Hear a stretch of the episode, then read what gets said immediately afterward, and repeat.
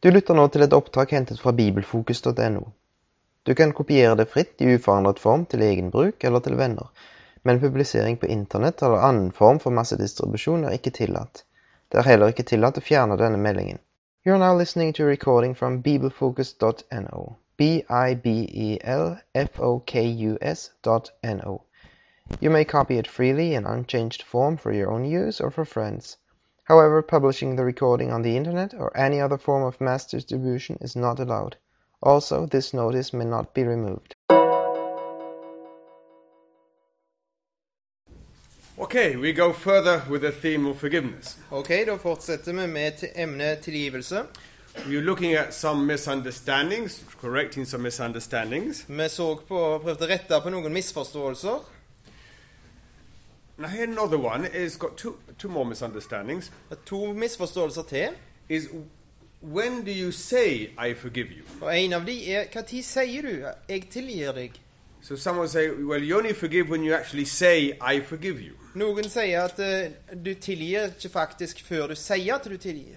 A few years ago, I studied this in depth, trying to find out does the Bible say something about this. Og f- For eh, noen år siden så, så prøvde, studerte jeg dette her i dybden for å finne ut sier Bibelen noe om dette. And I didn't find anything in the scripture. Og jeg fant ingenting i Skriften. So I think we normally start with forgiveness from our heart, Så jeg tror at eh, vanligvis så begynner vi med å tilgi i hjertet. and we say I forgive you Og så sier vi 'jeg tilgir deg' when it is useful to say it. når det er nyttig å si det. And that is usually when the other person repents. Og det er vanligvis når den andre personen omvender seg. But sometimes it might be useful to say, to express forgiveness before repentance. Men av og til så kan det være nyttig å, å uttrykke tilgivelse før det er anger og A omvendelse. few years ago, uh, a missionary was killed, a British missionary in Pakistan. For noen år siden så ble en britisk misjonær drept i Pakistan. And then the parents in England who were Christians, they expressed that they'd forgiven, the, they forgave the people in that village who killed their son. Og da uttrykte foreldrene som bodde i England, eh, at de hadde tilgitt de folkene i den landsbyen som hadde drept sønnen deres. Now, the people in the village were not repentant. Folkene i den landsbyen de angra ikke. They were radical Muslims in some respect. De var radikale muslimer. But the expression of forgiveness sent a very powerful message to the whole Muslim world. Men den, dette uttrykket for tilgivelse sendte et voldsomt sterkt budskap til hele den muslimske verden. It shows how different Christianity is to Islam. Det viser hvor forskjellig kristendom er fra islam. But sometimes, if you say to someone, I forgive you, it can be very badly interpreted. Men av og til, hvis du sier til noen at du tilgir dem, så kan det bli voldsomt ille tatt opp. Voldsomt feiltolka. If someone does not feel that they've done anything wrong, Hvis noen ikke ser og føler at de har gjort noe galt, and you say, I forgive you in Jesus' name, og så sier du 'jeg tilgir deg i Jesu navn', they think, hey, hey, hey, hey. Your wife is the problem, not me. kona di sitt problem, ikke jeg. You know, so by expressing forgiveness to someone who's not repentant, you can it can be interpreted as manipulation. Så hvis du uttrykker tilgivelse som no til noen som ikke angrer, så kan det bli tolka som manipulering. So I would suge- suggest forgive from the heart Så jeg vil f- oppfordre til å tilgi fra hjertet, and then wait for the right moment to express that og forgiveness. så vente til det rette øyeblikket på å uttrykke den tilgivelsen. Usually when the other person repents, Vanligvis når den andre personen eh, angrer, but maybe the Spirit of God will move you to do it some other time. men av og til er det da du skal gjøre det, men kanskje Den hellige ånd mu- m- eh, vil bevege deg til å gjøre det på et annet tidspunkt. Some people say, No, I just can't forgive. Og noen sier «Ja, 'Men jeg kan ikke tilgi'. I remember discussing this with a Swiss Christian, Jeg husker at jeg diskuterte dette med en sveitsisk kristen. and he said, Yeah, when I meet people that can't forgive, I tell them to pray, Jesus, you forgive them because I can't. Eh, altså, sa han at når jeg møter folk som sier at de ikke kan tilgi, så, så, så, så ber jeg de be Jesus tilgi de du, for jeg kan ikke. And I said, Well, that doesn't sound very biblical to me. Ja, så sier jeg, Det høres ikke helt bibelsk ut for meg. The Lord is encouraging us to forgive. Herren oppfordrer oss til å tilgi. The Lord knows when to forgive, He doesn't need our instructions. Herren vet hva tid han skal tilgi. Han trenger ikke vår, vår eh, hjelp til det. But what do you do when someone says, I can't forgive? Men hva gjør du hvis noen sier 'jeg kan ikke tilgi'? Now, I think it is true that sometimes things are very difficult to forgive. Og jeg tror det er sant at av og til så er, er- er ting voldsomt vanskelig å tilgi. And then is where we Christians need to help each other in prayer to come to that moment where we actually forgive from our Og hearts. da må vi som kristne hjelpe hverandre i bønn for at vi kan komme til det punktet at vi kan tilgi i hjertet. Sometimes demons are involved in stopping people for forgiving. Av og til så er det onde ånder involvert i å hindre folk i å tilgi. I remember uh, working with a lady who was a prostitute in Colombia. Jeg husker at vi arbeidet med, med, med ei dame som var prostituerte i Colombia. And in the counseling, together with another brother, we, we went through different stages of uh, cleaning up her life. Og i sjelesorgen, så, i lag med en annen bror, så gikk vi under forskjellige stadier i å rydde opp i livet hennes. And one was this one of forgiveness. Og et av dem var det med And tilgivelse. she made a list of about 15 people she needed to forgive. Og så lagde vi ei liste med, med rundt 15 personer som hun måtte tilgi. So one by one, we go and we pray a prayer saying, In the name of Jesus, I forgive that person for what they've done. Og så en etter en så gikk vi under lista, og så sa, ba vi i bønn om at eh, i Herre Jesu navn så tilgir jeg denne personen. And we Der. noticed that halfway through the list, she jumped one and carried on down the list. Og så la vi merke til at midt på lista så hoppet hun over en, og så fortsatte hun nedover lista. So at the end, we went back, Hey, what about this one? Og så til- når vi var ferdige, så gikk vi tilbake og sa, ja, men hva med han her? So, so that's my husband who pushed me into prostitution. Og så sa vi, ja, men dette er mannen min som preste meg til å bli prostituerte. So, well, we need to f- forgive him too.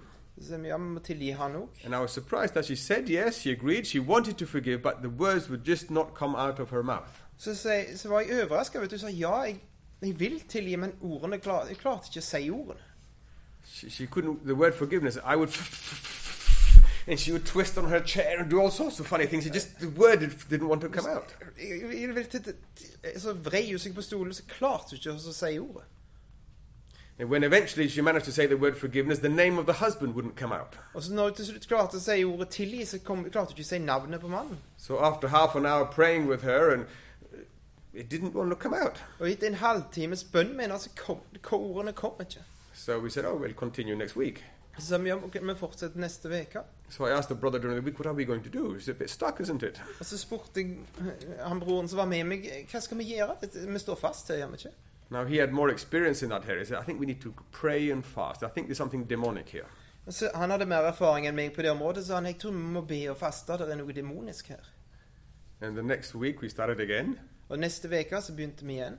And then the brother started commanding the spirit to leave in the name of Jesus. Og så s- ba, befalte denne broren ånden å forlate henne i Jesu navn. And then freedom came, enough for her to pray the prayer. Og så kom det nok frihet til henne til at hun kunne be den bønnen. And she finished. Og så fullførte hun. And then the brother asked her, Do you know what you've just said? Og så spurte broren «Nei, vet du hva du nettopp sa. And she said, What did I say? Hva sa jeg? Okay, let's do it again. Ja, la oss gjøre det igjen. So we had the prayer written out. She prayed it again. Og så skrev vi opp bønnen, og så ba hun den igjen. And I remember how her face changed. Og så husker jeg hvordan ansiktet hennes forandret seg. The joy in her face. She'd forgiven. Gleden i ansiktet hennes. Hun hadde tilgitt. For a year and a half, she'd never looked me in the eye. She always comes and says, Hello, hermano Felipe, but she's always looking at the floor, never in the eye. I ett og et halvt år så hadde hun aldri sett meg i øynene. Hun hadde alltid sittet ned på gulvet. And from that, she was free. She'd forgiven. Men ifra det tidspunktet så var hun fri. Hun var tilgitt. Sometimes, when there's problems with forgiveness, we need to support each other in prayer. Av og til når det er problemer med tilgi, så må vi støtte hverandre i bønn. And sometimes there is demonic bondage involved. Og av og til så er det demoniske bindinger in- involvert. What happens when we don't forgive? Hva skjer når vi ikke tilgir? Do you remember how Samson died? Husker du hvordan Samson døde? Yeah, pushing these two columns. Når han s- eh, skudde disse to søylene? Do you remember his prayer? Husker du bønnen hans? He said, Lord, give me strength one more time. Han sa 'Herre, gi meg kraft en gang til'. Why? Hvorfor det? You remember? Husker du hvorfor? To glorify God, For å herliggjøre Gud to destroy the enemies of God's people. og øyelegge Guds folk sine fiender? No. Nei. He says, God, give me strength one more time to take revenge for my eyes. Nei, sa, men sa 'Herre, gi meg styrke en gang til for å ta hevn på grunn av øynene mine'. He was a strong man. Han var en sterk mann. He liked young ladies. Han likte unge damer. He winked at them. Han blinkte til dem. He needed his eyes. Han trengte hodene sine. he was made blind. Han ble gjort blind. And during those times, he was pushing that mill round and round in darkness. Og når, i den tida der han skudde denne her mølla rundt og rundt i mørket A beautiful, no, a realistic picture of lack of forgiveness. Det er et realistisk bilde på manglende tilgivelse. You're in chains and you're blind and you're going round in circles. Du er i lenker, og du er blinde, og du går i sirkel. And then he wanted revenge, revenge. Og så vil han ha hevn, hevn. Some people who do not forgive, they get driven by a, a desire for revenge. Noen folk som ikke blir tilgitt, blir, blir drevne av en, en, et begjær etter hevn. Another example is Mephibosheth. Et annet eksempel er Mefiboset. You remember he was a son of a king. Husker du han var sønn til en konge? And when there was a problem in the palace, the young lady who's looking after him, the nurse, went running with a little baby in her hand. Og så var det et problem i palasset, og så sprang hun, hun barnepleieren som passet på han med barnet i, i, i, i armene. And she dropped him. Og så mistet hun han. And he became lame, paralyzed from, he couldn't move his legs. Og så ble han lame i Han kunne ikke i føttene. He had to be, he he lived away from Jerusalem Han levde et, han bodde et stykke vekk fra Jerusalem, in a place called Lodebar, i en pla, på en plass som heter Lodebar. which means no grass, s- Som betyr i, ikke noe gras. very different from Norway.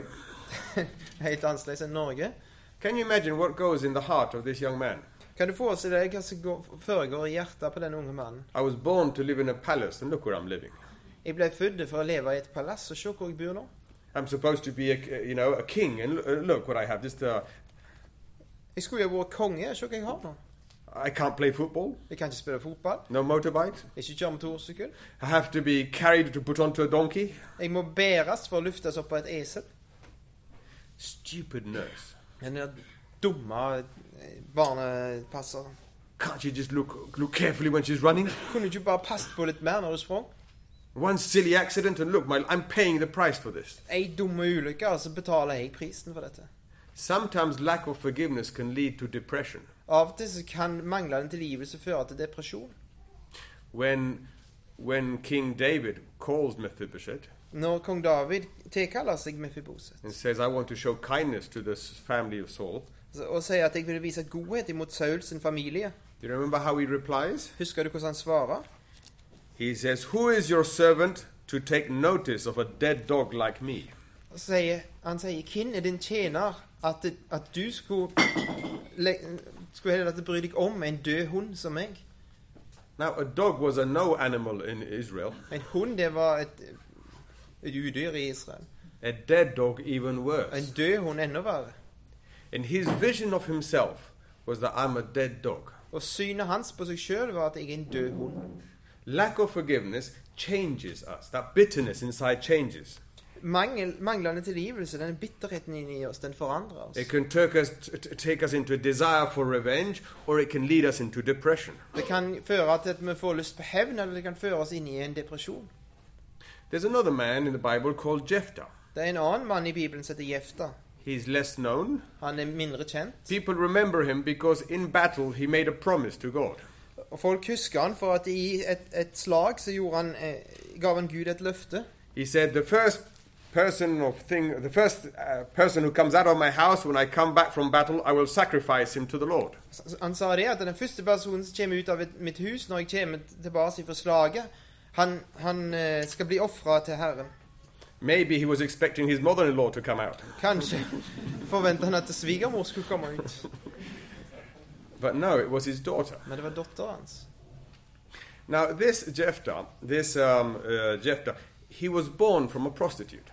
Denne Jefta han var født av ei prostituert. His father had a family, Faren hans hadde en familie, but then he, wed- he had a relationship with a prostitute. men så gikk han hen og hadde et forhold til ei prostituerte. What does that do to a person? Hva gjør det med en person? I'm not the product of love, I'm the product of uh, an adventure. Jeg er ikke et produkt av kjærlighet, jeg er et produkt av et eventyr.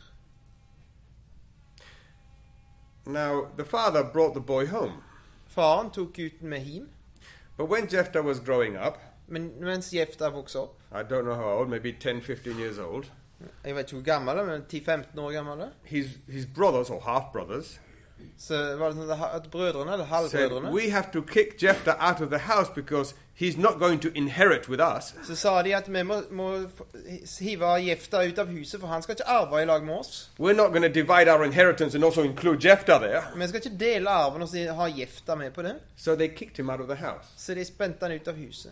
What does that do, do to Hva somebody? gjør det med noen? Son of a prostitute, Sønn av ei prostituerte. and now my half brothers hate me and want to get, get me out. Og nå hater halvbrødrene mine meg og vil ha meg ut. We read the story there i- in Judges 11, Vi leser he- historien der i Dommerne 11, and you see that he becomes a fighter. og så ser vi at han blir en, en kampens mann. His bitterness leads him to aggression. Bitterheten hans fører han til aggresjon. He becomes a, a good fighter. Han blir en god soldat. So I see here different ways people respond to this bitterness in their heart. Så jeg ser forskjellige måter folk responderer på denne bitterheten i hjertet. You're either looking for revenge, Du ser enten etter tilgivelse, etter other, hevn. other people turn depressive, Andre de blir deprimerte. and others fight to show they're worthwhile. Og andre igjen de, de slåss for å vise at de er verdt noe. But in every case, the bitterness of lack of forgiveness affects their life. Men i, uansett så er det sånn at, at eh, mangelen på tilgivelse har innvirkning på livet deres. What happens when you choose not to forgive? Hva skjer når du velger å ikke tilgi? Well, I can guarantee you lose joy in your life. Jeg kan garantere at du mister gleden i livet ditt. Disobedience always affects your relationship with the Lord. Ulydighet påvirker alltid forholdet ditt til Herren. When you choose not to forgive, you lose effectiveness in ministry. Når du, når du eh, velger å ikke tilgi, så mister du virkningen i, li, i tjenesten din. Because we know that lack of forgiveness affects your prayer life. For du vet at, at eh, manglende tilgivelse det påvirker bønnelivet ditt. When you choose not to forgive, you lose freedom. Hvis du velger å ikke tilgi, så mister du frihet. There are a number of areas you're restricted in. Det er eh, flere områder der du blir begrensa. And we also know that the lack of forgiveness defiles other people. Og så vet vi også at manglende tilgivelse gjør andre folk ureine. We mentioned this yesterday, Hebrews 12:15. Vi nevnte det i år, Hebreabrevet 12, 15. A root of bitterness grows and defiles other people. En bitter rot eh, vokser fram, og så gjør han andre folk ureine. Now it's quite easy t- to see how this happens. Og det er enkelt å se hvordan det skjer. Look, let's take an example, a sister who's angry with a brother in the church. La oss ta et eks- eksempel. Ei søster som er sinte på en bror i menigheten. So whatever he says is going to be bad. Så se, uansett hva han sier, så, så er, det, er det feil. If he selects a hymn, it's obviously the wrong hymn. Hvis han velger en sang, så er det helt innlysende at det er feil sang. If he prays, it's probably hypocritical. Og hvis han ber, så er det sannsynligvis hyklersk. If he reads a Bible text, it's the wrong one or doesn't know how to explain it. Men Hvis han leser en bibeltekst, så er det enten feil tekst, eller så vet han ikke hvordan han skal forklare. So a mother with that attitude, after the service, comes home for lunch. Og en mor med den holdningen kommer hjem til middag etter, etter gudstjenesten. And while the family is eating lunch, someone will ask, "So, what was the? How did you experience the service this morning?" Og mens, de eter, så, og mens familien eter, så spør en eller annen hvordan opplevde du gudstjenesten i formiddag. And then the wife begins to speak. Og så begynner kona å snakke. Well, it's one of those Sundays. Og enda en gang av disse søndagene. I don't know why that brother opens his mouth, Jeg vet ikke hvorfor denne her broren alltid åpner munnen. and the children are listening. Og så lytter ungene. They're being defiled by her bitterness. De blir smitta, gjort ureine av hennes bitterhet.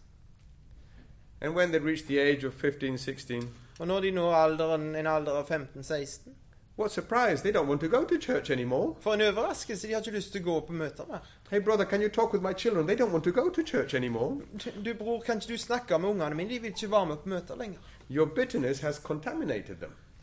Din bitterhet har smitta de. And that does not only happen with sisters. Og det skjer ikke bare med søstre. We men can also do it. Men menn kan òg gjøre det. Not only in the church, we can do it at work, criticizing the boss. Ikke bare i menigheten, vi kan gjøre det på jobb. Kritisere sjefen. Bitterness defiles. Bitterhet, det gjør urein, det smitter. What then is forgiveness? Hva er tilgivelse, da? Forgiveness is cutting a painful link. Tilgivelse er å så skjære over en, en smertefull forbindelse. Like a rope that ties you to a person, another person, or ties you to an event. En, som, som et tau som binder deg fast til en annen person eller til en hendelse. When you forgive, you cut. You cut Når, that link. når du tilgir, så skjærer du over denne forbindelsen. When you forgive, you renounce certain rights you think you have. Når du når du eh, tilgir, så gir du avkall på visse rettigheter som du har. When you forgive, you're unilaterally cancelling a debt. Når du tilgir, så, så, ti, så, så sletter du ensidig ei gjeld. You cancel the debt, and that's an act of your will. You're choosing to do so. Du sletter gjelda, og det er en, en viljeshandling. Du velger å gjøre det. And not because the other person deserves it, you're choosing to do so out of obedience to Jesus. Og ikke for den andre personen fortjener det, men du velger å gjøre det ut av lydighet mot Jesus. Forgiving is choosing not to hold someone's sin against them. Å tilgi det er å velge å ikke, ikke heller noen til ansvar for sin synd.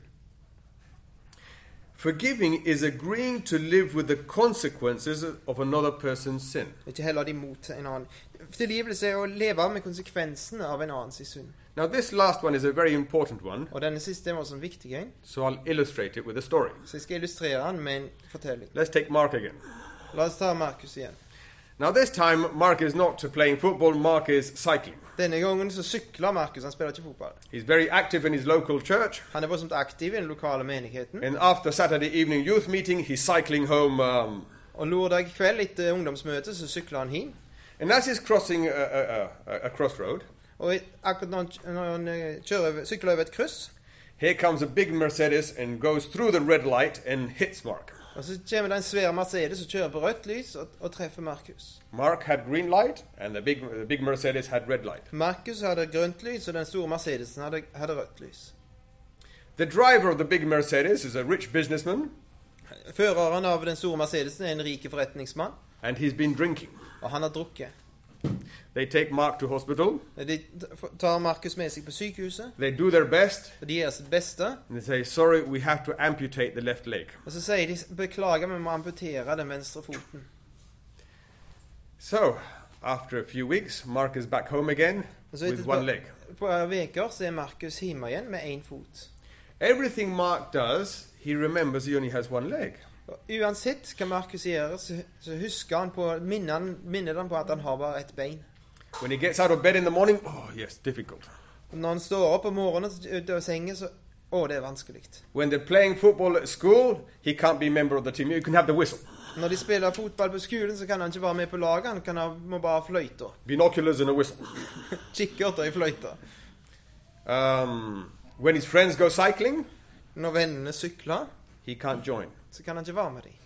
When he's having a shower Når han dusjer and he drops the soap, og mister såpa, ah, what a problem. for et problem.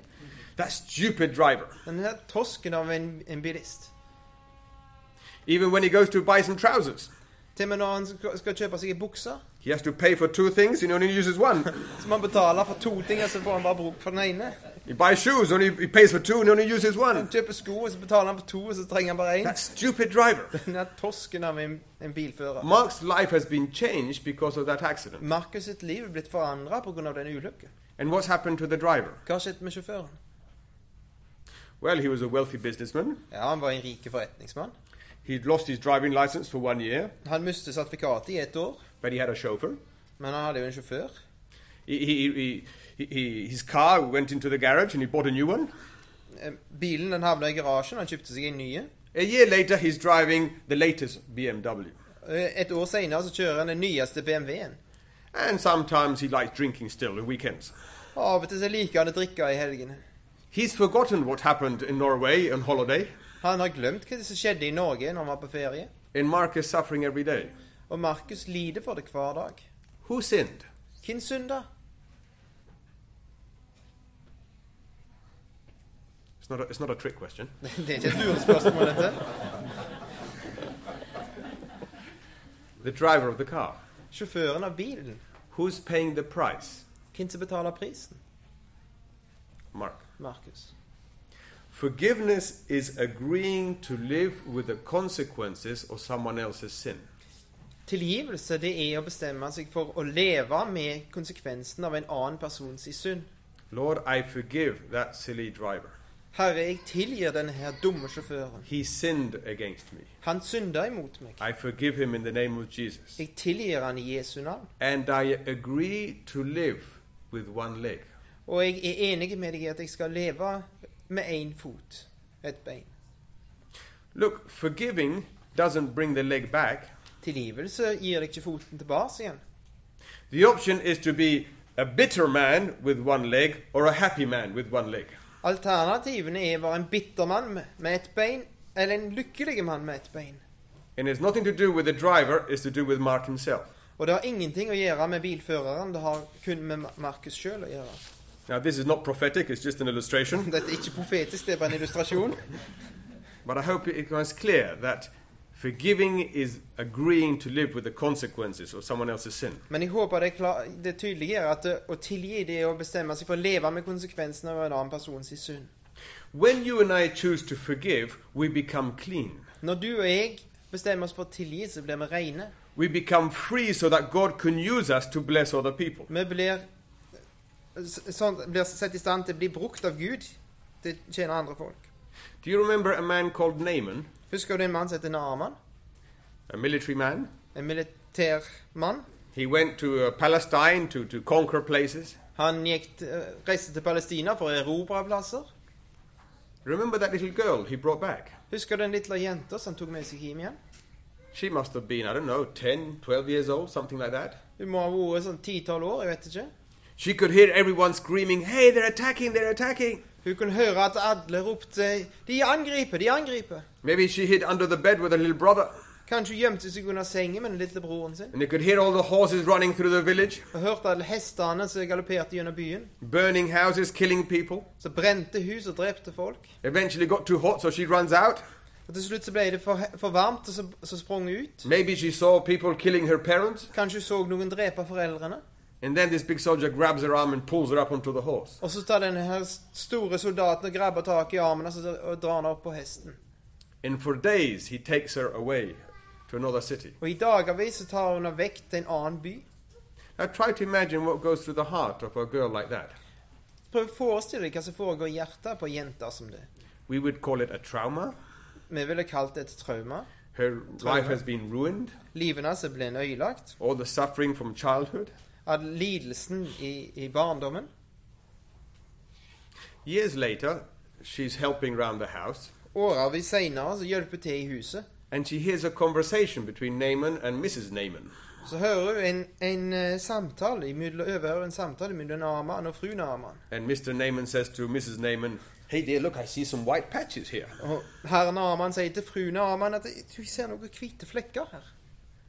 It looks like leprosy. Det ser ut som spedalskhet. And what did the girl think? Hva tenkte jenta?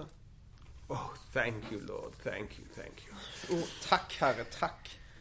Beautiful vengeance. You've paid him back. He- For en flott hevn har han fått, spet- fått igjen for det han gjorde. There's clear evidence that this young girl had forgiven Naaman from her heart. Men det, det, det er helt klart og tydelig at denne he- her jenta hadde tilgitt Naaman i hjertet sitt.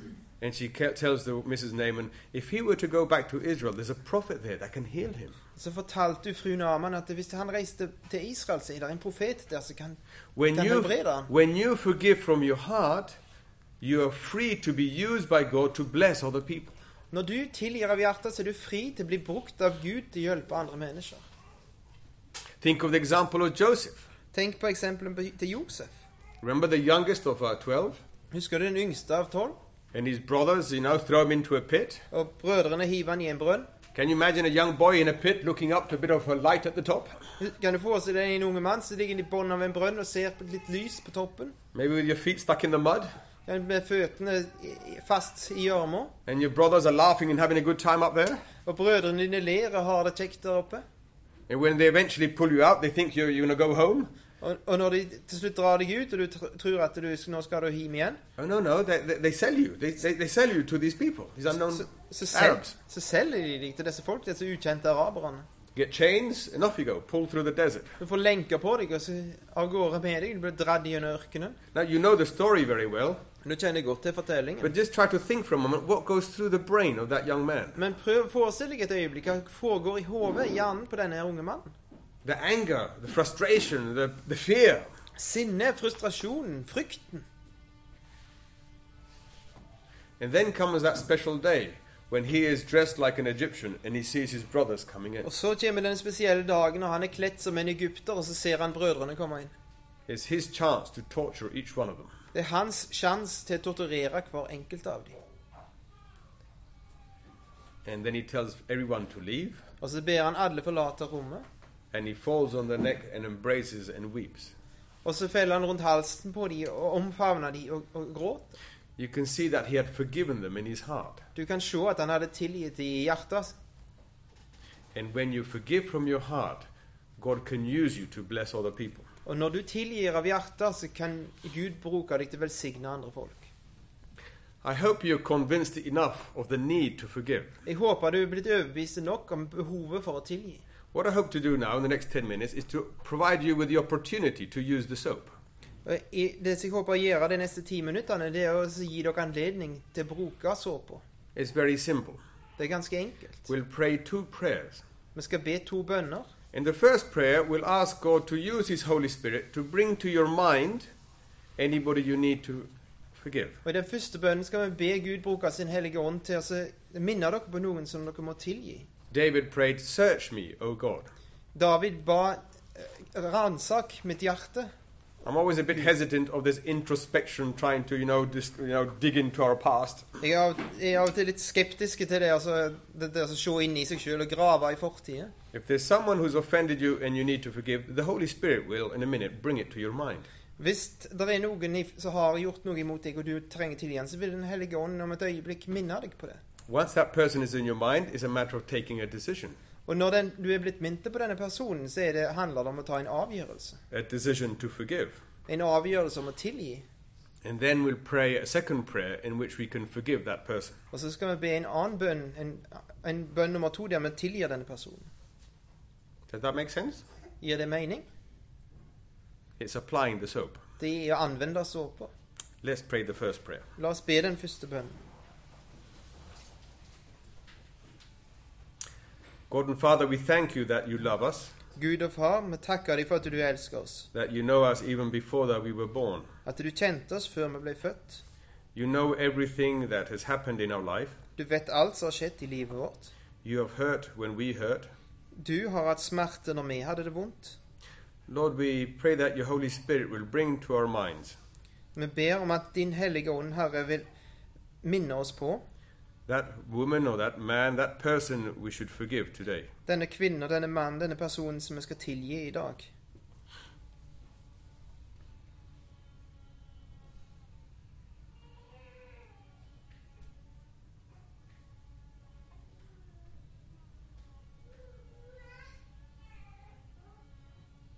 If no one comes to mind, Hvis du ikke kommer på noen, don't get stressed. så ikke bli stressa av det.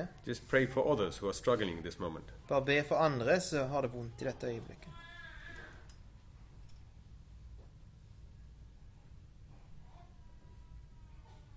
If the Holy Spirit has brought someone to your mind, Hvis Den Hellige Ånd har, har mint deg på noen, I want you to invite you to make a decision. så vil jeg oppfordre deg til å ta en avgjørelse. Not to say, oh, it's all okay. Ikke å si at det er, i alt er i orden. No, they have sinned against you, Nei, de har synda imot deg, and sin is something real. og synd er noe virkelig. Not to say, I would like to forgive, Ikke si 'jeg kunne tenkt meg å tilgi', but to decide, I will forgive today. men å bestemme deg for at 'jeg vil tilgi i dag', It's a decision of your will det er en, beste, en vi, bestemmelse med viljen din, in obedience to the Lord Jesus. i lydighet mot den Herre Jesus. Hear the second prayer Og den andre bønnen, a prayer to forgive. en bønn om tilgivelse.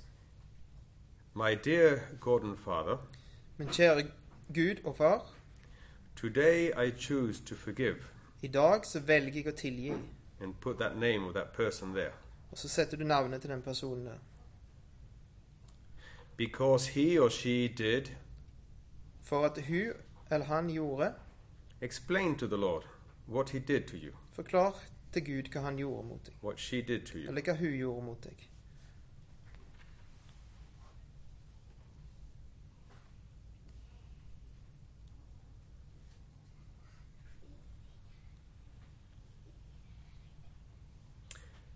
And Lord, this made me feel. Og Herre, det fikk meg til å, å føle. Explain to the Lord how you felt about that sin committed against you. Forklar til Gud hvordan du følte deg når den synde ble begjort, begått imot deg.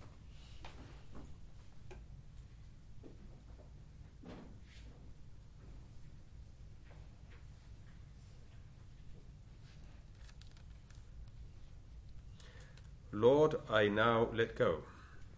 Herre, nå slipper jeg taket. Lord, I forgive. Herre, jeg tilgir. I renounce my right to revenge. Jeg gir avkall på retten min til hevn. I forgive in the name of Jesus. Jeg tilgir i Jesu navn. Lord, heal my hurting emotions. Herre, helbred mine, mine vonde fø følelser. Thank you for setting me free. Takk for at du setter meg fri. Lord, now please bless that person who's hurt me. Herre, vær så snill og velsign den personen som har gjort det vondt imot meg. In the name of Jesus, amen. I Jesu navn. Amen.